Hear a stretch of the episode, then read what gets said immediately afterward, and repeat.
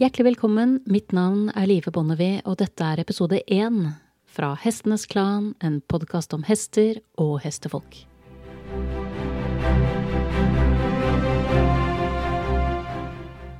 Jeg har brukt mye tid på å tenke på hvor jeg skal begynne, hva jeg ønsker at du skal sitte igjen med, og ikke minst hva jeg kan si for å forberede deg på det du har i vente. For jeg syns det er viktig at den første episoden setter riktig tone for episodene som følger. Og etter mye frem og tilbake så har jeg landet på at det beste er å starte med begynnelsen. Min begynnelse. Så du vet hva denne podkasten vokser ut av.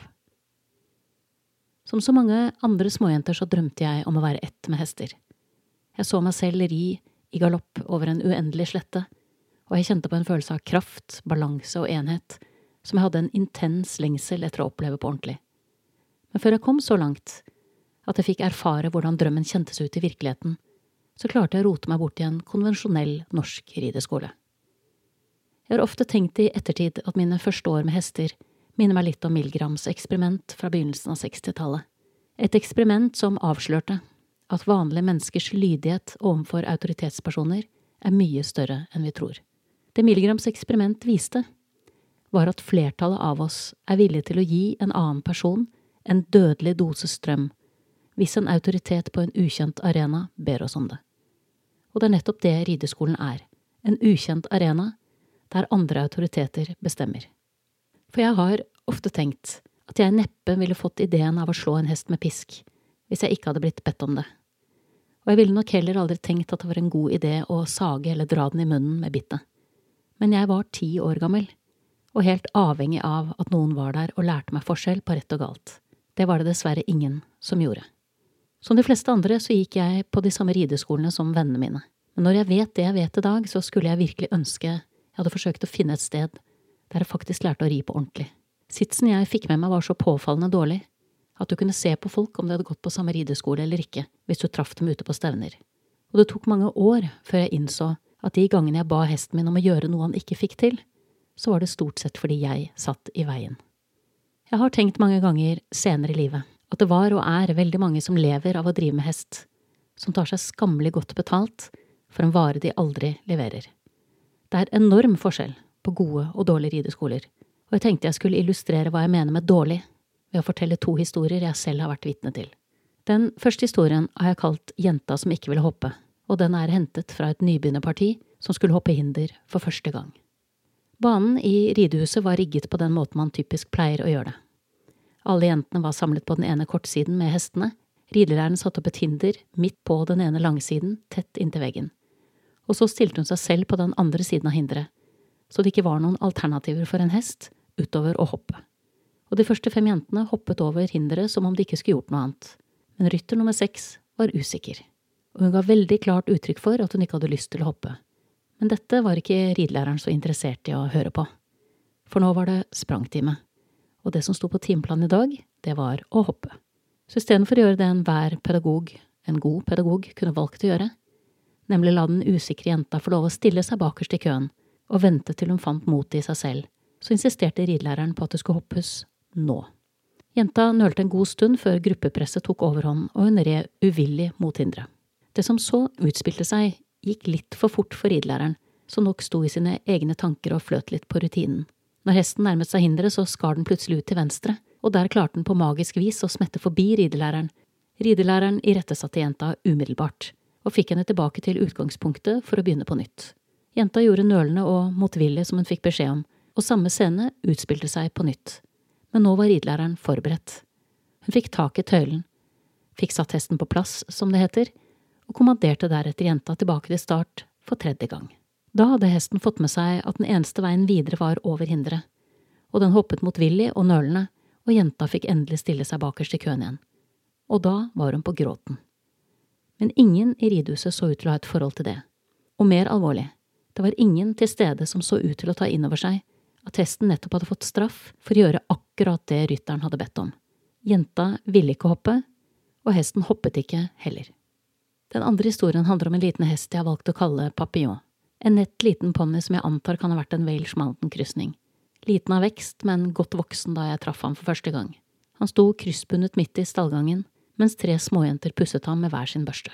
De pratet, lo og koste seg mens de holdt på, men ingen av dem la merke til at Papillon ikke koste seg like mye. Han sto der stivt med ørene sine flatt bakover. Det som opprørte meg med den scenen, det var at mens disse tre uerfarne hestejentene sto og gredde den lille ponnien, som med hele sitt kroppsspråk ropte slutt, stopp, hold opp, kom dere vekk, så gikk ridelæreren, som skulle lære disse småjentene hva hester er, rundt i stallen og drev med sine ting, uten å la seg merke av det som foregikk, enten fordi hun ikke så det, hvilket er alvorlig nok, eller fordi hun ikke brydde seg. Lille Papillon sto der, overlatt til seg selv, og de tre små jentene, med ørene sine flatt bakover, og han ble gredd og gredd og gredd. Hvorfor forteller jeg disse to historiene? Jo, fordi de med all mulig tydelighet understreker to av mine viktigste anliggender med denne podkasten. Det ene er at vi ofte straffer hesten for å gjøre det vi faktisk ber den om, og det andre er at det ofte ikke finnes noe rom for hestens eget språk i vår verden. Lenge før Papillon ble en hest som sto med ørene flatt bakover mens han ble pusset, var han nok en svært tålmodig hest, som på grunn av sin nette størrelse og lave høyde trolig var veldig ettertraktet blant de yngste, mest usikre og mest uerfarne rytterne. Og min gjett er at han møtte dem med tålmodighet i årevis før han første gang forsiktig begynte å hinte ved å flytte litt rolig på seg eller kanskje slå forsiktig med halen da han ble gredd, men det fikk han vite at var forbudt så kan han ha vært en hest som prøvde å bite eller slå etter jentene, men det fikk han nok veldig raskt erfare at var helt forbudt. Og da jeg traff ham, på et tidspunkt jeg tipper var ganske sent i livet hans, han kan ha vært 15 år eller eldre, så var det eneste han hadde igjen av sitt naturlige språk, presse kjevene sine hardt, hardt sammen og stryke ørene flatt bakover. Og ikke på noe tidspunkt forklarte ridelæreren de tre små jentene at når en hest ser sånn ut i fjeset, så betyr det at den ikke vil bli gredd. Det er veldig viktig å være klar over at det første vi lærer, er det som sitter best. Så valget av riktig rideskole og riktig instruktør er blant de viktigste valgene vi tar som ryttere. Hvor høyt nivå instruktørene har, varierer fra land til land og fra sted til sted. Noen land er unge hestenasjoner, som tilfellet er for Norge. Andre har lange tradisjoner å falle tilbake på. Dette må du ta høyde for når du velger hvem som skal lære deg å bli et bedre hestemenneske. Det er bedre å kjøre noen timer og ri færre ganger i måneden og lære å ri ordentlig, enn å velge en vilkårlig stall ut fra geografisk nærhet. Det samme gjelder om du skal videreutdanne deg som rytter. Det finnes ingen snarveier med hester som er verdt å ta. Det fundamentet du bygger i bunnen av din karriere som rytter, er det alt annet senere kommer til å bygge på. Og avlæring av gamle mønstre, i den grad det i det hele tatt er mulig, tar uhorvelig mye mer tid enn innlæring av nye. Jeg skulle ønske jeg hadde visst hvor blind og ufølsom rideskolene de første årene gjorde meg. Da hadde jeg brukt mer tid på å finne rett instruktør. Ikke bare da jeg startet å ri, men også senere i karrieren, da jeg utdannet meg videre. Det var først mange år senere at jeg oppdaget hvor verdiløse mange av mine første møter med hestene og ridekunsten hadde vært. Hvor upresis sits jeg hadde, hvor stive skuldrene mine var, hvor uheldige reaksjonsmønstre jeg hadde fått bygget inn, og hvor ufølsomme hjelpere jeg hadde. Det skulle ta meg mer enn ti år å avlære 90% av dette, men de siste ti prosentene frykter jeg at jeg aldri vil komme til livs. Og hvis jeg tar en pause i ridningen, noe jeg kun har gjort noen få ganger i mitt liv, så kan du banne på at det fortsatt er det jeg lærte først, som sitter best. Jeg fikk for all del resultater, både med hester jeg startet og hester jeg trente for andre. Men til hvilken pris? For både hestene og meg. Jeg skulle også ønske at noen hadde fortalt meg allerede før jeg begynte på rideskolen, at jeg hadde med meg to usynlige, svært menneskelige utfordringer som jeg ikke var klar over. Den første var hjernen min, som er designet for å forenkle den kompliserte verden vi lever i, så mye som mulig, så vi skal kunne overleve uten å miste vettet. Den menneskelige hjernen inneholder to store læringssystemer. Det kunnskaps- og forståelsesbaserte systemet og automatiseringssystemet. Sistnevnte er designet for å sikre at når du har tilegnet deg en ferdighet som du har utført om igjen og om igjen, så blir den til slutt automatisert. Som kjøre bil, for eksempel. Du tenker ikke over at du girer, setter på blinklys eller trykker inn bremsen. Det går av seg selv. Det er ingen tvil om at hjernens evne til automatisering gjør livet vårt enklere på mange måter. Men i møte med hesten så er denne måten å operere på et stort handikap. La meg illustrere dette handikappet med et eksempel. Forestill deg at du er på vei bort til en rulletrapp midt i et travelt kjøpesenter for å komme opp i annen etasje.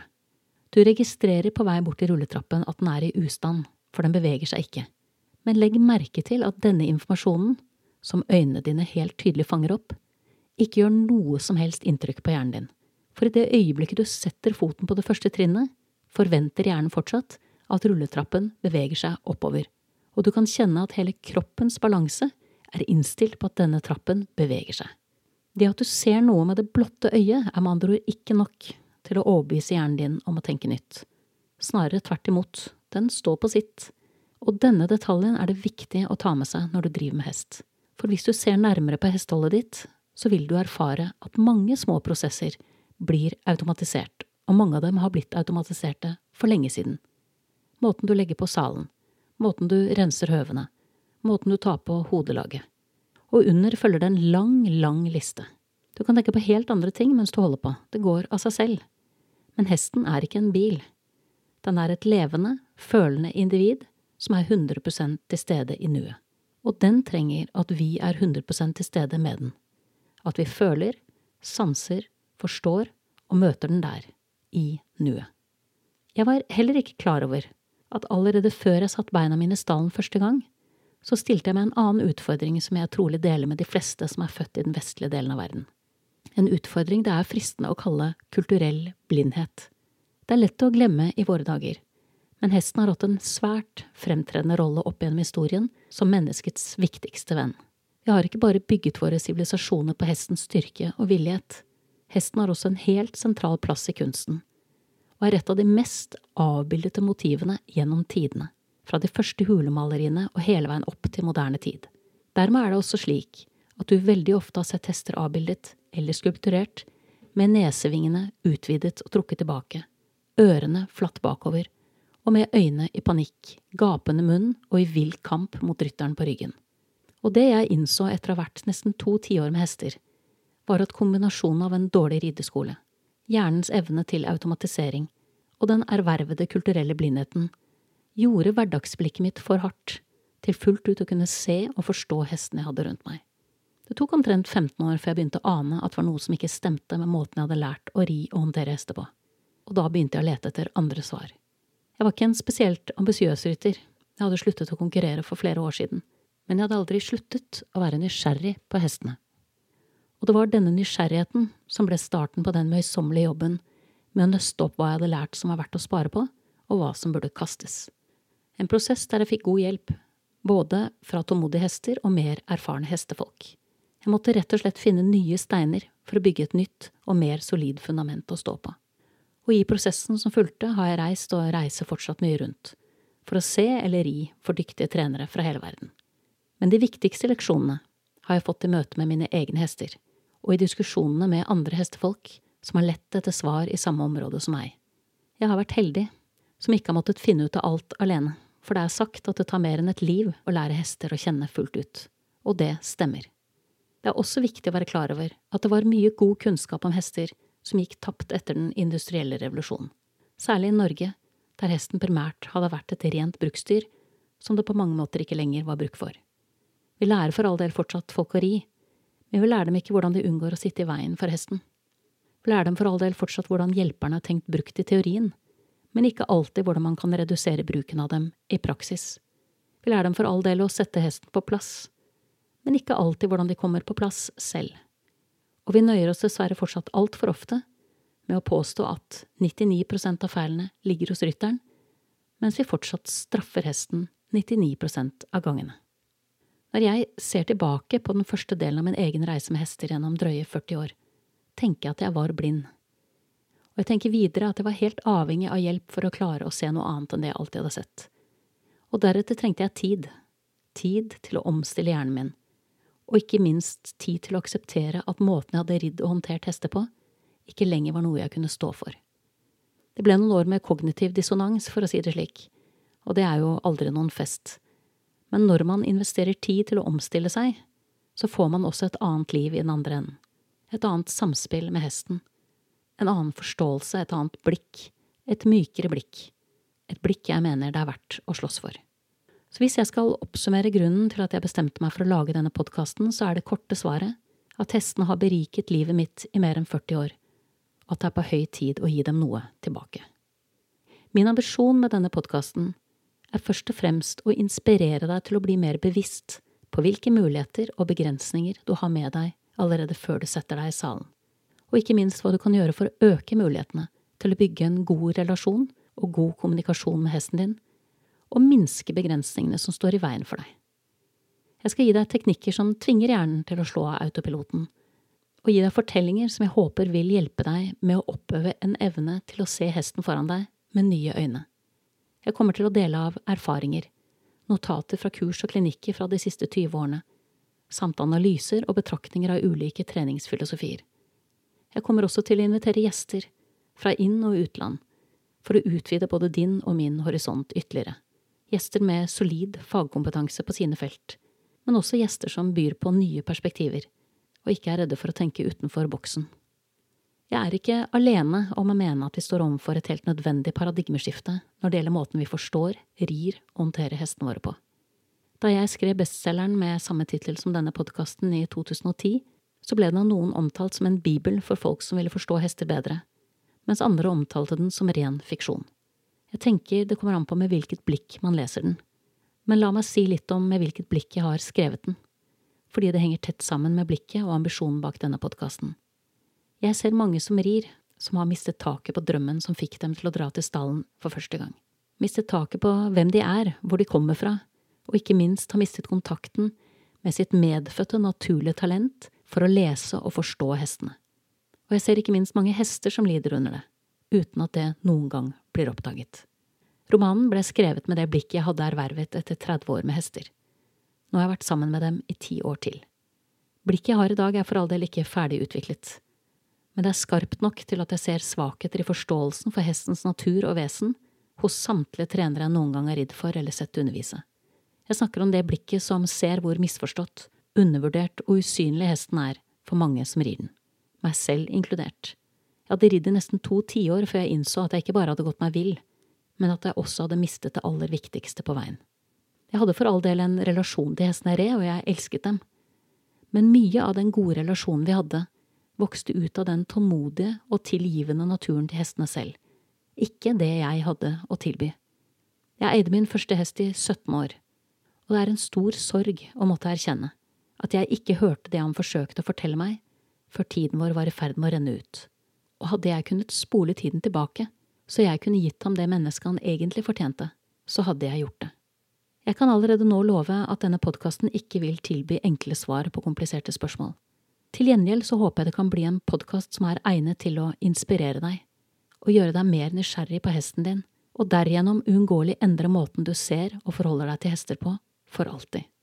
Det eneste du trenger, er et åpent sinn, en vilje til å sortere og ta stilling til det du får høre, og et ønske om å bli den beste versjonen av deg selv, både i møte med hesten din og livet for øvrig.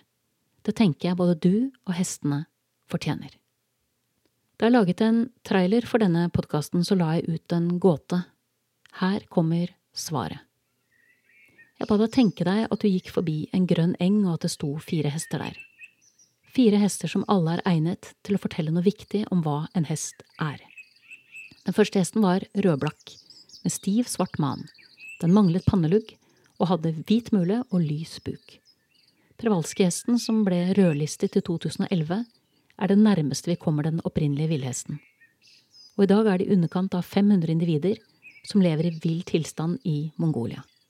Denne hesten er et nøysomt, sosialt steppedyr som trives best i familiegrupper med en sofistikert flokkstruktur. Den er konstruert for å spise mer enn 17 timer i døgnet, drikke omtrent én gang om dagen og sove tre til fire timer, liggende eller stående.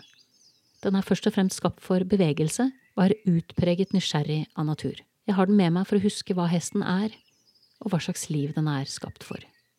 Den andre hesten var kastanjebrun med krøllete pels og hadde en ørnefjær festet i manen.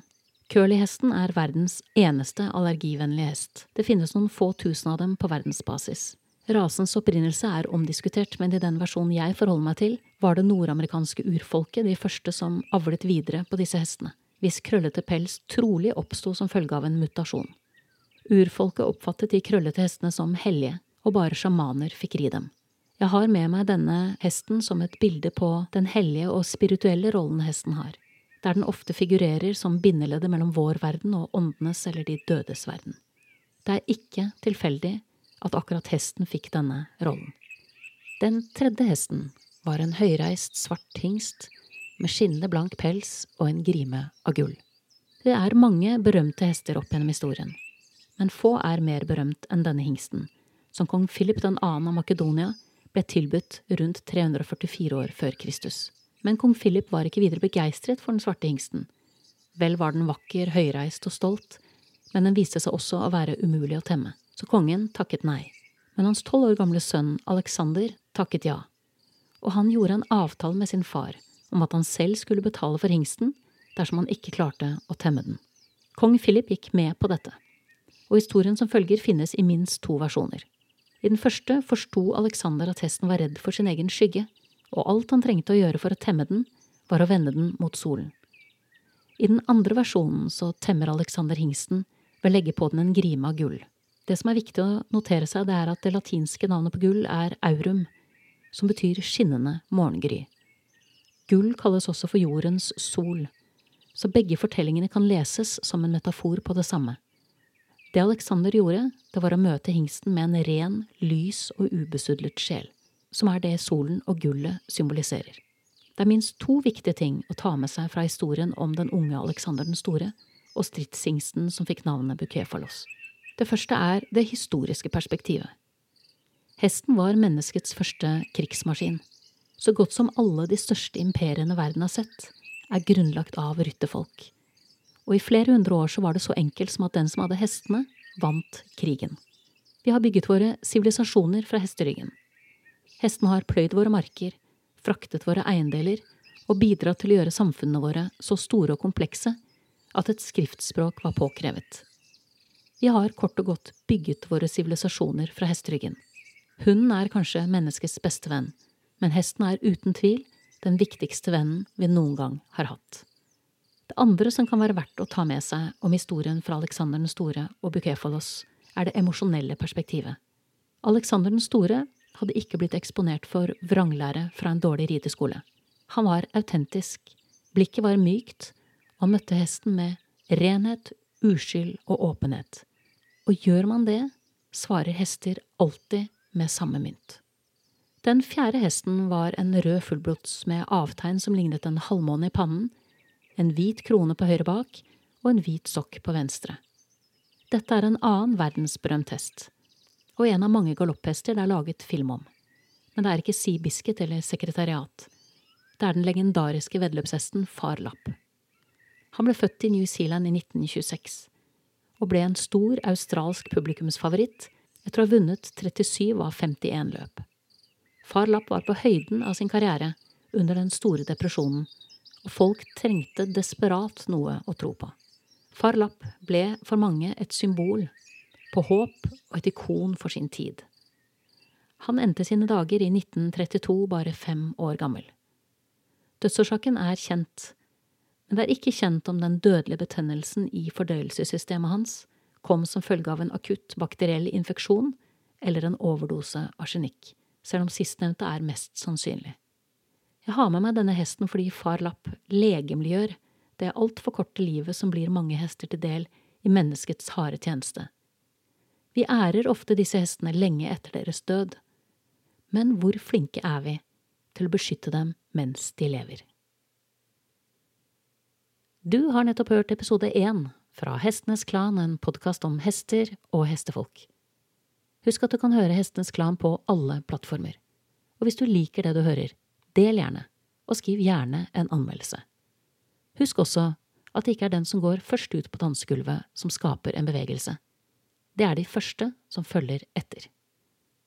Da gjenstår det bare for meg å takke min faste komponist Fredrik Blom, og sist, men ikke minst vil jeg takke deg, kjære lytter, for tålmodigheten. Måtte hesten for alltid være med deg.